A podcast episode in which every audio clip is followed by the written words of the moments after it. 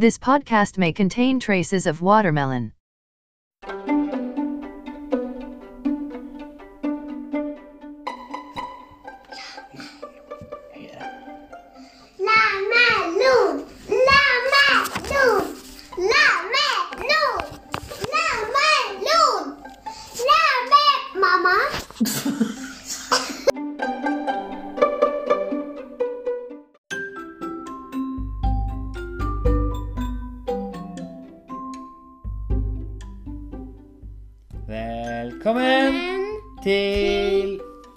Sesong seks, episode To. Yes.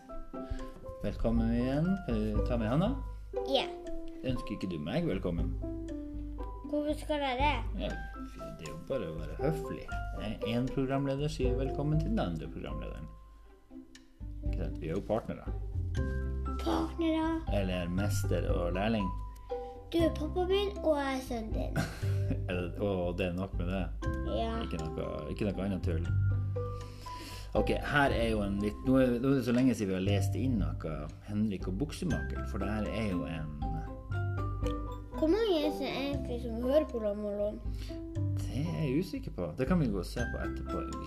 Vi har jo en egen app der jeg kan gå inn og se hvem som hører på, hvor de bor. Husker Vi har jo hatt noen lyttere som har Jeg vet at det er noen som var i Kret og hørte. Ja, sant det? Men uh, hu, var det Hugo eller Det var i hvert fall en uten hår som visste hvem det var som hørte på det. En som var uten hår. Han som bodde med uh, Olleskogen. Han som var uten, jeg vet ikke hvem som er uten hår i Ullerskogen som hørte på. Men, å, du mener han Thor, Han som bor i Ullerskogen? Ja. Ja, han ja. Han som er kjæresten til noe tante Gro? ja. Ja, han ja, han hadde hørt på. Stemmer. Han hadde hørt kjempemasse. Altså. Ja. Det har han sagt. Altså. Ja, okay. Men han vet han- at det er vi som lager lammer, og han, Ja. er stemmen vår. Ja, han hører det. Men vi, kanskje han tror at det er mange forskjellige som lager det. For jeg har jo har ikke, jeg, er ikke jeg utrolig flink til å lage stemmer når jeg leser Henrik og Ja, buksemakeren? Ja, men før du tar stemmene, så vet han jo hvem det er. Det er ikke sånn at jeg tror at det kommer masse folk inn i rommet der vi sitter og prater? Hvem skulle ha vært det? Jeg vet ikke. En, Prøv å lage brunestemmen, da. hva mener du? Sånn, det er du. Ja, det er sant. Ellers, det vet jo ikke dem, da. Det er jo ikke vi, det er jo ingen kamera her. Så alt, for alt vi vet, så, så tror han Tor eh, Markussen så tror han at det plutselig gikk forbi en skalla franskmann. Hallo, det er ikke en Tror du det er i Troms Tror du det er i Troms er en franskmann som Koko som kommer? Nei, som er slem og prøver å skyte folk og sånn. Ja. Nei, det er nok kun det, det er, De fleste vet nok at det er bare en veldig bra skuespiller, innleser. Du er ikke en skuespiller på ordentlig, da. Men, Ikke på filmer, i hvert fall. Nei, det er sant. Jeg har ikke vært med i så mange filmer. Men, Du har eh, sett på filmer, det har du. Ja, det, det kan alle gjøre. Men ikke alle som er gode nok til å være skuespiller. Jeg tror ikke at jeg hadde vært god nok til å være skuespiller, for å være helt ærlig. Hvorfor ikke? Fordi jeg hadde blitt for nervøs. Og du er ikke Og du er ikke en Og du, og du har aldri lagt Lag, lagd Lagd noen film, altså. Nei, det er nok eh, Før husker vi pratet om audition her om dagen. At Putti Pluttipott hadde Audition. aud- audition. Man kunne komme og vise seg frem, og så kunne man, hvis de syntes du var god skuespiller, så fikk du være med i forestillinga. Ja, og så jeg, jeg klarer å huske at jeg og barnehagen sto på det, men jeg klarer ikke å huske at vi gikk ned dit. Og hadde sånn audition. Ja. Nei da, men det er den som har lyst til å være skuespillere. Unger. De kan komme og vise frem. Om de kan synge, om de kan være skuespiller. Jeg har aldri syngt. Hjemme, da. Nei, Ikke da heller. Ikke i den mikrofonen som er her. nei. Jeg har bare sagt med de stemmene. Ja. Jeg ikke syngt noe. Hallo, hallo, hallo, hallo. Jeg husker en gang du sang Uptown Funk You Up. Nei, den har jeg aldri synget. Det var ikke du? Nei. Ja. Det var Og jeg, Og jeg vet ikke hvem Jonas er. Jeg vet hvem det, jeg vet hvem det er, men jeg har aldri Men jeg har aldri eh, Jeg har aldri Aldri sunget? Nei, men jeg har aldri hørt noen sanger. Aldri hørt sanger? Nei. Ikke bortsett fra hver dag. Altså, jeg klipper skjegget ditt, hvis du tror det. Hvis jeg, hvis jeg snakker sannheten? Jeg river skjegget ditt. Altså. Ikke gjør det. Du, vi, um, nå skal jeg uh, gi beskjed til han innleseren, han er veldig god skuespilleren, om at han skal sette i gang med innlesninga, og så kommer vi tilbake og prater litt om kapittelet etterpå. God, god plan? Ja. Tjubong. Kubong.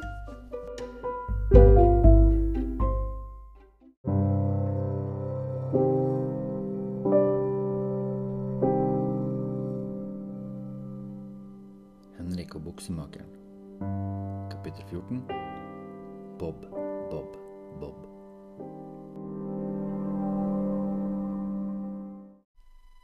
Bob. Bob. Bob. Proval sto med kjøkkenbenken og plukka ut de røde godteriene ut fra posen han akkurat hadde fått levert på døra. En til, Bob. En Bob. Bob. En etter en la han dem på bordet. Så tømte han resten over i en skål. De røde skufflene oppi handa, åpna skapdøra med foten og slengte dem i søpla. Han hata mørk sjokolade.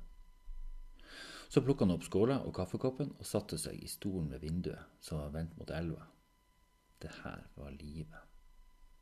Rennende vann, stilt ellers, kaffe og noe søtt. Han skulle akkurat plukke opp en svart da han frøs til. Det var et hår i skåla. Han stirra hardt på det idet han plukka det opp med den pinsetten han akkurat alltid hadde klar. Det så kjent ut, men han nekta at det kunne være sant. Han la ned pinsetten på bordet. Så kjente han nøye på seg sjøl oppe på hodet, rundt omkring. Etter 14 år helt alene og isolert, så hadde han vel blitt godt kjent med seg sjøl. Han telte hårstrå. 56 57 58 Ja, 58. Men han måtte være sikker. Det kunne ikke stemme.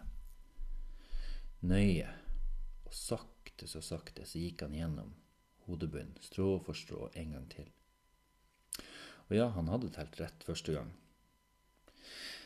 Det måtte være hans, for han hadde ett mindre hårstrå oppe på hodet enn det han hadde i går.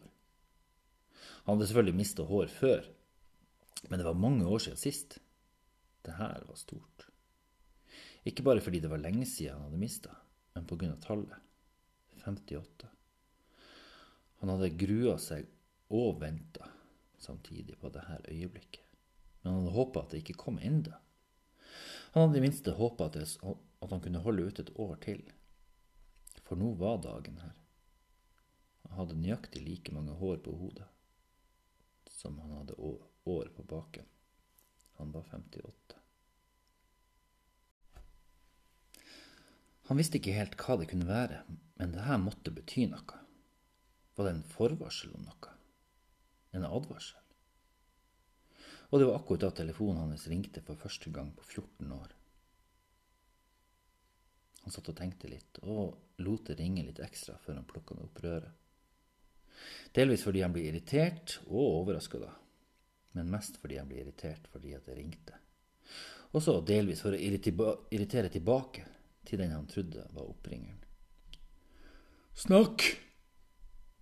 Hvem andre skulle det være? Hva vil du? Hva vil du? Nei.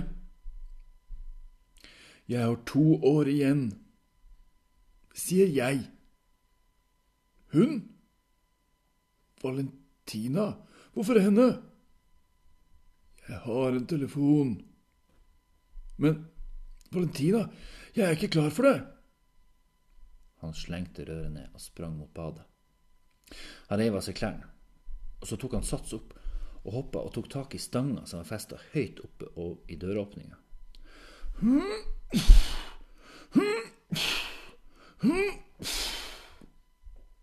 Han trakk seg opp og senka seg ned 20 ganger. Så hoppa han ned og sprang ut i stua. Han gikk inn til den ene veggen og la hendene flatt mot to merker som var tegna inn. Han så ned på de tre gullteppene som lå krølla inn mot veggen. Han pressa håndflaten mot veggen og begynte å springe med beina. Den ene matta sklei bakover for hvert skritt han tok. Da den kom så langt bak at han ikke rakk den mer, så gikk han frem rolig og stilte seg opp på neste matte. Så gjorde han med den samme og med den neste. Ja, sjøl om han hadde vært isolert i 14 år, så var han klar over at det eksisterte noe som het tredemølle, og at han lett kunne bestille seg en sånn. Men han var fornøyd med sin egen variant. Tredematte.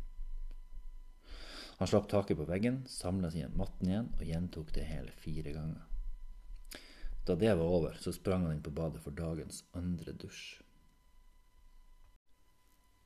Bruno B satt på sin vante plass på det brune kontoret og klinka litt lett i koppen.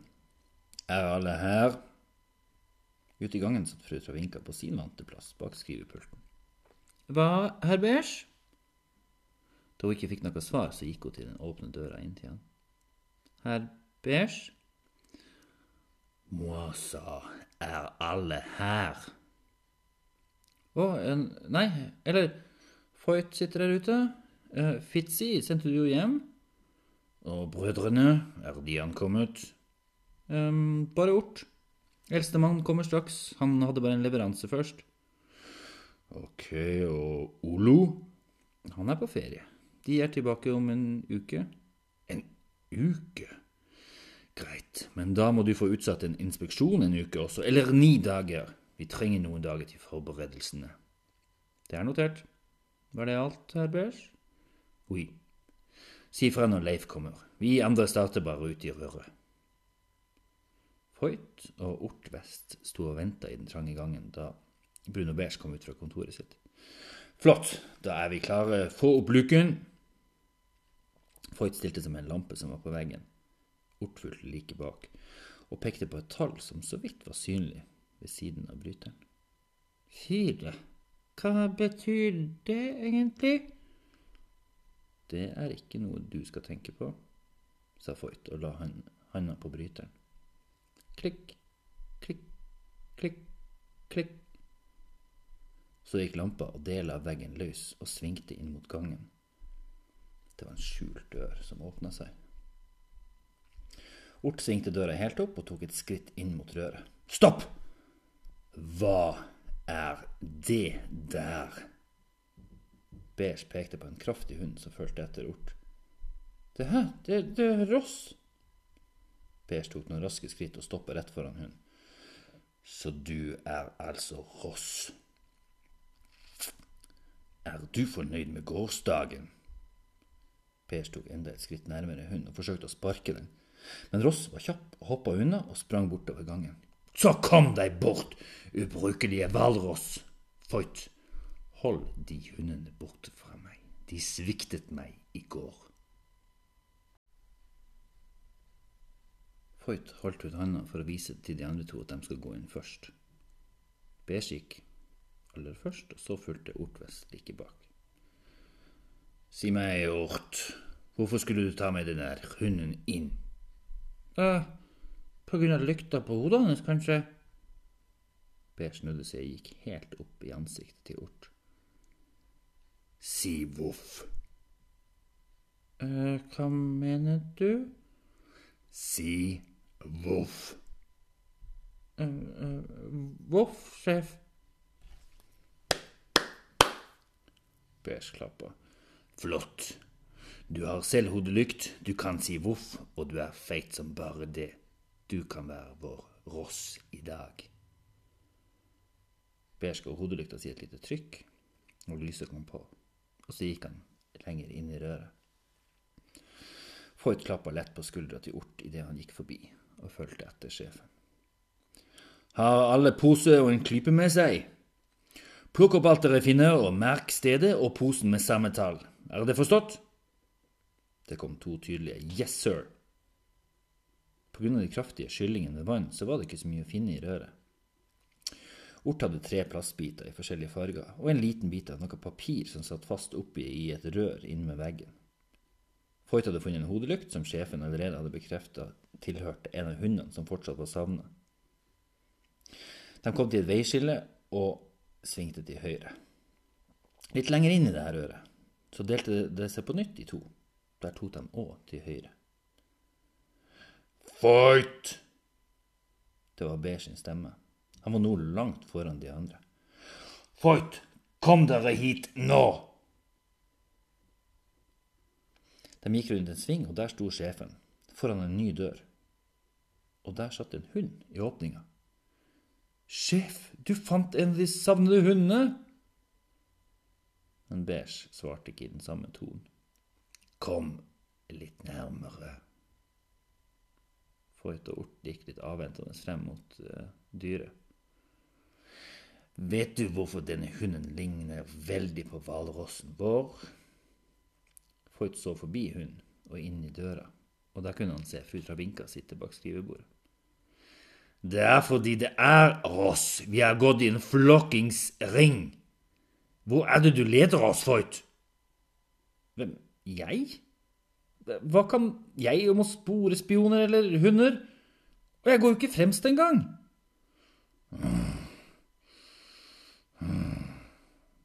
Beige grynta og så på Ort, som forsøkte å gjemme seg bak Foyt. Og hva med deg? Meg? Jeg bare, jeg bare fulgte etter Foyt, jeg. Beige knytta begge nevene og hadde lyst til å slå. Så kikka han mot Ross, men han hadde vært smart nok til å springe inn og legge seg bak pulten til Travinka. Dette er håpløst. Dere er håpløse! Han la hendene bak nakken og så opp i taket. Vel, fant dere noe Litt uh, plastbiter, sjef. Jeg har dem i posen. Foyt. Eh, litt plast, ja. Og en knust telefon. Beige skvatt til. En telefon? Hvorfor sa du ingenting før? En knust sjef, det er bare et bakdeksle. Bæsj strakk handa ut for å ta imot. Og dessuten så tror jeg en av våre Det står 11 Pro på den. Beige tok imot og studerte den nøye. Eller, jeg klarte bare å lese én Pro, men jeg tror det egentlig skal være 11. Sjefen leste det samme. Oi, den er vår. Men han fortsatte å stirre på det navnet, og han la merke til at en idé begynte å vokse igjen. Han mumla noe som Foyt ikke helt fikk tak i. Hva sa du, sjef? Moi sa proval. Hva er en proval? Er det fransk ord? Nå, vi trenger proval. Ortvest kom litt nærmere. Herr Beige, er du så sikker på at det er så lurt? Du vet hva han er i stand til? Beige stirrer fortsatt på 11 Pro. Det finnes ingen som vet mer om Proval enn det moi gjør. Dessverre er han den beste til det, det dere er de verste til. Etterforskning og sporing og finne folk. Sjef, du vet han satt inne i 14 år. Satt inne Han sitter inne. Og det er 14 år siden han tok det valget. Han flyttet inn i en trehytte han selv har laget, av egen fri vilje. Ingen har noen gang fanget han eller tatt han for noe som helst. Oi, han er spesiell, men han er òg den eneste moi kan stole på blir å finne den usle spionen som var her i går. Han kan finne alt, hvor som helst, når som helst. Hvis han i dag hadde mistet sine nøkler til bil, så hadde han ti minutter senere hatt en mann hos seg med nye nøkler direkte fra fabrikk. Og helst med en ny bil med seg, og en oppsigelse fra direktøren på fabrikken, og en beklagelse fra mannen som oppfant bilnøkler, og en bukett med roser fra kvinnen som oppfant hjulet. Ort lente seg mot Foyt og hviska. Så han hadde ikke funnet nøklene, da? Beige var allerede ute av røret. Fru Travinka, ring Proval! Valentina Travinka snudde seg så fort mot sjefen at hun kjente det stakk i nakken. Hva? Proval, er du sikker? Oui, klart moi mener det moi sier. Hva er det med dere? Flott, gi moi telekommand, så ringer jeg selv. Han trykka på skjermen og fant symbolet med den brødboksen som symboliserte Proval. Det ringte ni ganger. Beige regna med at han fyren på andre sida venta med vilje, bare for å irritere. På det tiende så hørte Beige den hese og sure stemmen han ikke hadde savna. Snakk! Hallo, det er moi, Bruno. Hvem andre skulle det være? Hva vil du? Så ingen hallo, fint å høre fra deg, alt bra? Hva vil du? Må trenger din hjelp. Nei, Må har ingen andre som deg. jeg har to år igjen, Sier hvem? sier jeg. Må ha regnet med at du skulle si det. Da kommer vi til deg. Eh, Fru eh, Frøken Travinka er på vei. Hva? Valentina, hvorfor det? Hun har med en telefon. Jeg har en telefon. Ikke en sånn som hun har med. Men Valentina, jeg er ikke klar for det. Du har hatt 14 år på å bli klar. Minus to minutter. 14 år, og så er det to minutter siden hun startet å kjøre mot deg. Det burde være nok tid. Hallo? Proval? Beige rista på hodet og la ned skjermen, tok en telefon ut av lomma og rakk den mot sekretæren. Hun rista kraftig på hodet. Du blir nødt til å dra. Han tror allerede at du er på vei. Enda mer hoderisting. Må trenger han. Vi trenger han. Jeg trenger ikke han. Nei, må skjønner. Men du vet at han blir ikke å slippe noen andre inn enn deg. Travinka pusta tungt og var tydelig oppgitt. 500 ekstra i året. Sakte, sakte så kom handa til fru Travinka opp mot beige. Jeg skal ha 1000 ekstra. Og fri hver jul. Avtale. Hun tok imot telefonen. Du blir nødt til å dra straks. Og eh, Valentina? Ja, sjef? Sa hun idet hun gikk mot døra. Ta med deg posene fra Voigt og Ort. Og en siste ting. Ja, herr Beige? Ta av deg gifteringen før han ser den. Henrik satte ned kakaokoppen. Sasa hørte på lyden da den traff bordet at den var tom. Tørst var du i hvert fall. Hm? Han så fortsatt tomt ut i lufta. Vennen, du er visst ikke helt her i dag. Det, det er den tredje koppen din. Å, unnskyld. Nei, ikke si det. Jeg er bare glad for at du har kommet deg, men jeg tror fortsatt at vi tar oss en tur på sykehuset i dag. Henrik rista på hodet for å hente seg litt inn. Eh, hva mener du? Sykehus? Jo, for sikkerhets skyld, bare. Henrik sa ikke noe. Han kunne ikke forklare den følelsen han hadde. Det var som at han visste noe ikke burde fortelle, men samtidig så husker han ikke hva det var. Sassa så at det var noe forvirring der. Kjære deg, hva, hva husker du fra i går, egentlig? Henrik snurra litt på koppen. Hva, hva mener du? Jeg, jeg husker i går. Jeg var på skolen. Jeg og Børge erta på oss Benedikt i sjette. Men vi klarte å lure oss ut av det røret før han så oss. Røret? Eh, vi klarte å lures ut av garderoben, mener jeg jo. Greit. Og så Ja, og så ble Børge henta av Jorge, for de skulle besøke mammaen på pleiehjemmet. Han gleda seg veldig. Ja, og etter skolen, da? Jo eh, eh, Det stoppa helt opp for ham. Minnene begynte å seile. Han så for seg at han sto på toppen av et fjell. Han kunne se regnbuen. Brått under ham så kunne han se tre personer springe etter en rød hund. Det røkka i Henrik, og han dytta litt i kakaokoppen. En av de tre skøyt etter hunden. Nå kunne Henrik se ansiktene til de tre. Eller, de hadde ikke ansikt. Alle tre hadde bare bakhoder og nakker uansett hvor de snudde seg. Den største personen ropte. Stopp, Bob! Ikke rør deg! Og hun stoppa faktisk. Han reiste seg opp på bakbeina. Hei, hei, hvorfor skyter dere? Det er ikke meg dere vil ha! Så snudde han seg mot Henrik og pekte. Der er han!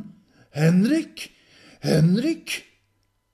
Og Henrik så en rød hund og tre ansiktsløse ansikt stirre på ham. Henrik! Henrik! Han skvatt til idet Sassa rørte på skuldra. Går det bra? Å Jo, jeg er bare litt trøtt. Jeg forstår det, men du Jeg ser det er noe med deg. Vi, vi må ta oss en tur på sykehuset. Hæ? Nei! Jeg må på skolen. Vi holder på å øve oss til festivalen. Jeg er faktisk med i skuespillet. Ja, jeg vet. Til buksefestivalen, ikke sant? På den femte. Parkerer du bilen? Kom det ut av Henrik. Hva det var, det forsto han ikke, men det var som om munnen hadde bare sagt noe uten at han Henrik styrte det. Hva sa du? Eh, hvor parkerte du bilen? Henrik, hva er det som foregår med deg? Og det var da han forsto det. Han kunne ikke skjule mer av det han sjøl ikke visste hva var. Tassa, kan du fortelle meg hvor du fant meg? Heisen som kom opp, gjorde at hele trehytta rista i den stansa. Døren slo seg opp til hver side, og der sto Proval og stirra rett på henne. Hvordan fant du meg? Hun gikk rett forbi ham og satte bagen fra seg på spisebordet. Høyt henger de, og sure det er du. Morsomt. Hvordan fant du meg, frøken Travinka? Hun åpna opp bagen og tok ut posene, en telefon og en hodepute med prislappen fortsatt på. Beige sa det var det høyeste treet etter Krago. Det var ikke så vanskelig som du ser ut som. Han valgte å ignorere det siste der. Hva har du med? Alt er på bordet, Sherlocko. Han løftet opp en av posene. Hva er dette? Travinka fikk fortalt han om gårsdagen, om den antatte pistolen, om den antatte spionen, og om den antatte hundene, om de antatte skuddene. Og dette er alt de fant?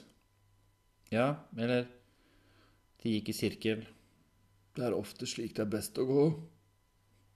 Ja vel? Det er sånn man finner veien hjem. Det er ikke alle som vil hjem. Proval plukka opp puta. Og denne? Det er din. Min? Jeg regner med at du trengte en ny. Det gjør jeg ikke. Jeg kjenner deg. Du kjente meg. Jeg skal si deg en ting. Og akkurat da ble de begge redda av telefonen. Travinka var rask til å plukke den opp. Ja, ja, jeg har han her, dessverre. Han er den samme som før. Ja, du får han nå, sa hun og snudde skjermen mot Proval. Han reagerte med å rygge bak idet han fikk se Beige som prata til ham. Der er du jo, gamle venn. Men hvor har håret rømt? Snakk for deg selv, jeg har i det minste 58 Glem det, så jeg kan se deg. Nettopp. Det var, der, det var derfor Moa sendte henne til deg. Har du fått sett på bevisene? Vi må finne denne mannen. Han har mulig både sett og hørt noe han ikke burde. Jeg forstår. Men du sier mann. Er det noe bevis som tilsier at det er en mann? Nå. Men han, hun, er nok godt trent og høyst kapabel. Han klarte f.eks. å unngå å utløse alarmen. Fru Travinka, fikk du tak i rhubarb på eh, alarmsentralen? Hun tok et skritt frem og kom inn i bildet. Ja, han kunne ikke si så mye før han fikk testet systemet, men han sa at han kunne se at ingen hadde tuklet med systemet i natt, i det minste. Greit. Har du sett på hva hun hadde med? Nei, gi meg to minutter.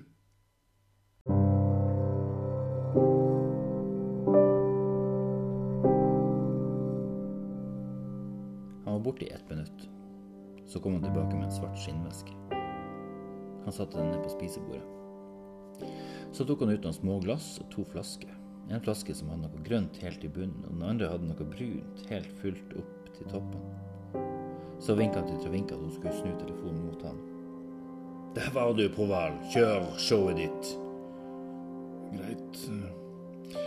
Det første jeg gjør, er å legge disse plastbitene i en skål av glass. Og så lar jeg det ligge der i skal vi se, tre minutter. Så tømte han litt av det grønne oppi et annet. Så legger jeg denne lille papirbiten i den grønne væsken her. Sa han og løfta den dit med pinsetten. Nå trenger jeg bare Valentina litt. Kan du holde deg eh, Ja, der. Hun kom nølende litt nærmere. Hva skal jeg holde? Men det nådde ikke å skje noe mer, for han nappa et hårstrå fra henne. Hei, hva gjør du, din gærne Travinka! La han gjøre jobben sin. Hun beit seg i leppa og kastet et lengtende blikk mot heisen. Proval sa ingenting. Han førte pinsetten med håret ned i den grønne veska.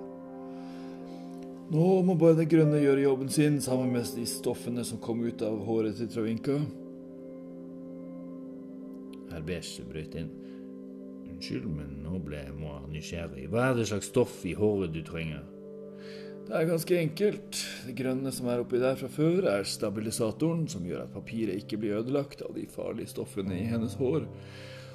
Det er toluen som jeg henter ut av håret, som er også en av de mest ødeleggende. Unnskyld, men farlig stoff i hennes hår? Ødeleggende? Ja, det er det. Hun tror kanskje ikke at vi vet det, men det er lett å forstå at en kvinne i hennes alder ikke har hennes eh, naturlige hårfarge lenger. Jeg har i det minste hår. Proval tok ut et mikroskop og satte det på bordet. Han skrudde på lyset og løfta forsiktig ut den lille lappen. Så la han den ned på glasset, la det beste øyet på linsa og vridde litt på noen brytere. Så ble han stille. Ja vel, ser du noe? Proval? Jeg ser etter kvaliteten og alderen på papiret. Og hvis vi venter litt til, så kommer det kanskje frem noe skrift eller tegn som vann kan ha visket delvis ut. Det ble stille igjen.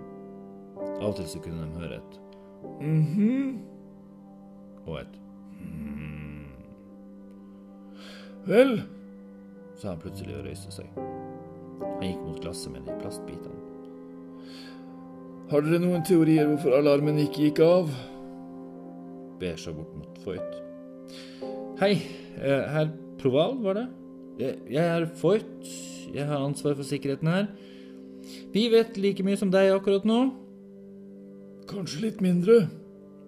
Eh, unnskyld? Det var ingenting.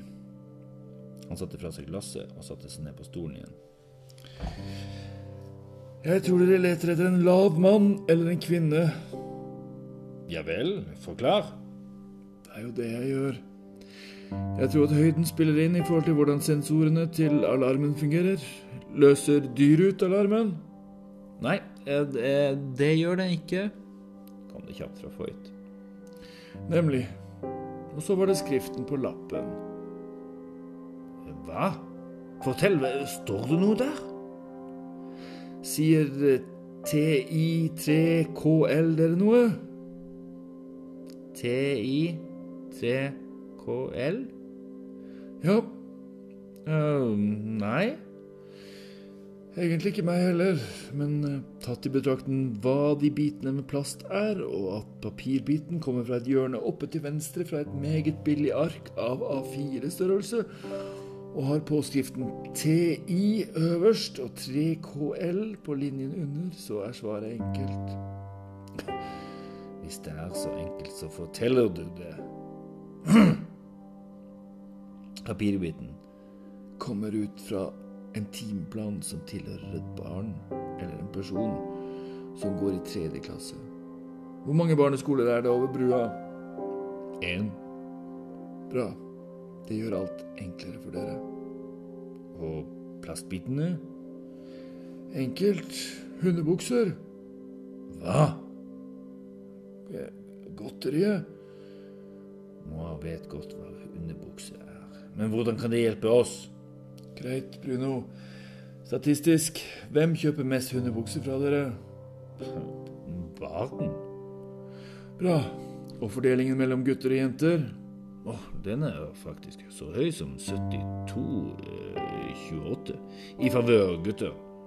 Nemlig. Og han hater Bob. Hater Bob? Hva, hva mener du? Hvordan vet du det? Unnskyld, hva er hundebukser, og hva er Bob? Får han ikke med.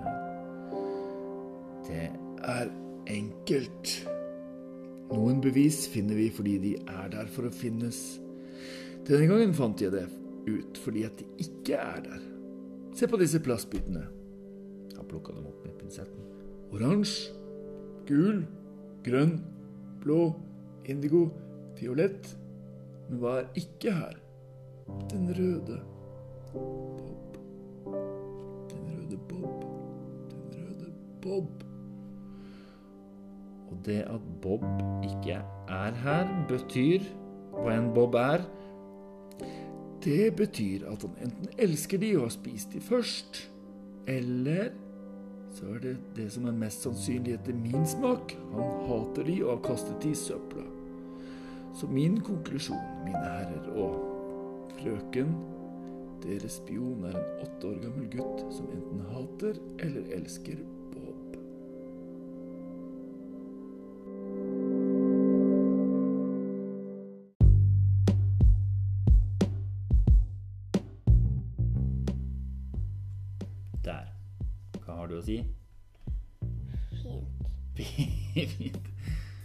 Men det var jo ikke helt bra for uh, vår åtte år gamle venn.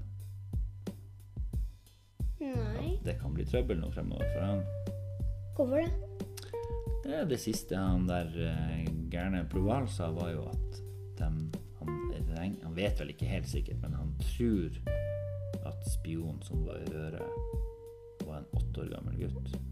Han er jo åtte, da. Ja, han er åtte, da, men det er jo ikke bra for han hvis de finner ut av det. Nei. hvem han er. Og, og så spurte jo han Beige om hvor mange barneskoler det var i området. Og så sa han Nei, han Proval spurte vel. Og da sa han Beige at det var bare én barneskole der. Så da trenger vi jo bare å dra til skolen og finne tredje klasse. Og da kanskje finne. Ja, jeg vet ikke hva han heter, og jeg vet ikke hvordan han ser ut. Nei, det er sant. Ikke, I hvert fall ikke enda. Krysse fingrene for at de aldri finner ut av det. Krysse fingrene sånn. her. har du hørt- om det før? Hvis det er noe man virkelig håper på skal skje eller ikke skje, så tar man bare fingrene sånn. Og det betyr på en måte lykke. Krysse fingrene for at de aldri finner ut av det.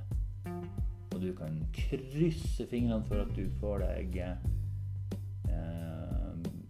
får dra på kino i morgen. Skal vi prøve å krysse fingrene dine? Krysse fingrene. Ja, må du bare holde den, ja. Og kryss Hva som er, er det jo lettest? Krysse fingrene. Hva du krysser fingrene for? Kina. Kino. Ja, ja, vi skal dra på kino i morgen. Skal vi eh, si ha det bra, og så gir vi five, double five med kryss og fingre? Er du klar? Er du klar? En, og ha det til alle sammen. Ha det. Vi snakkes snart. Og.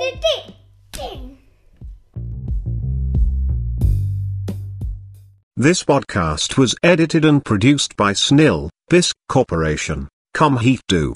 Din slemmer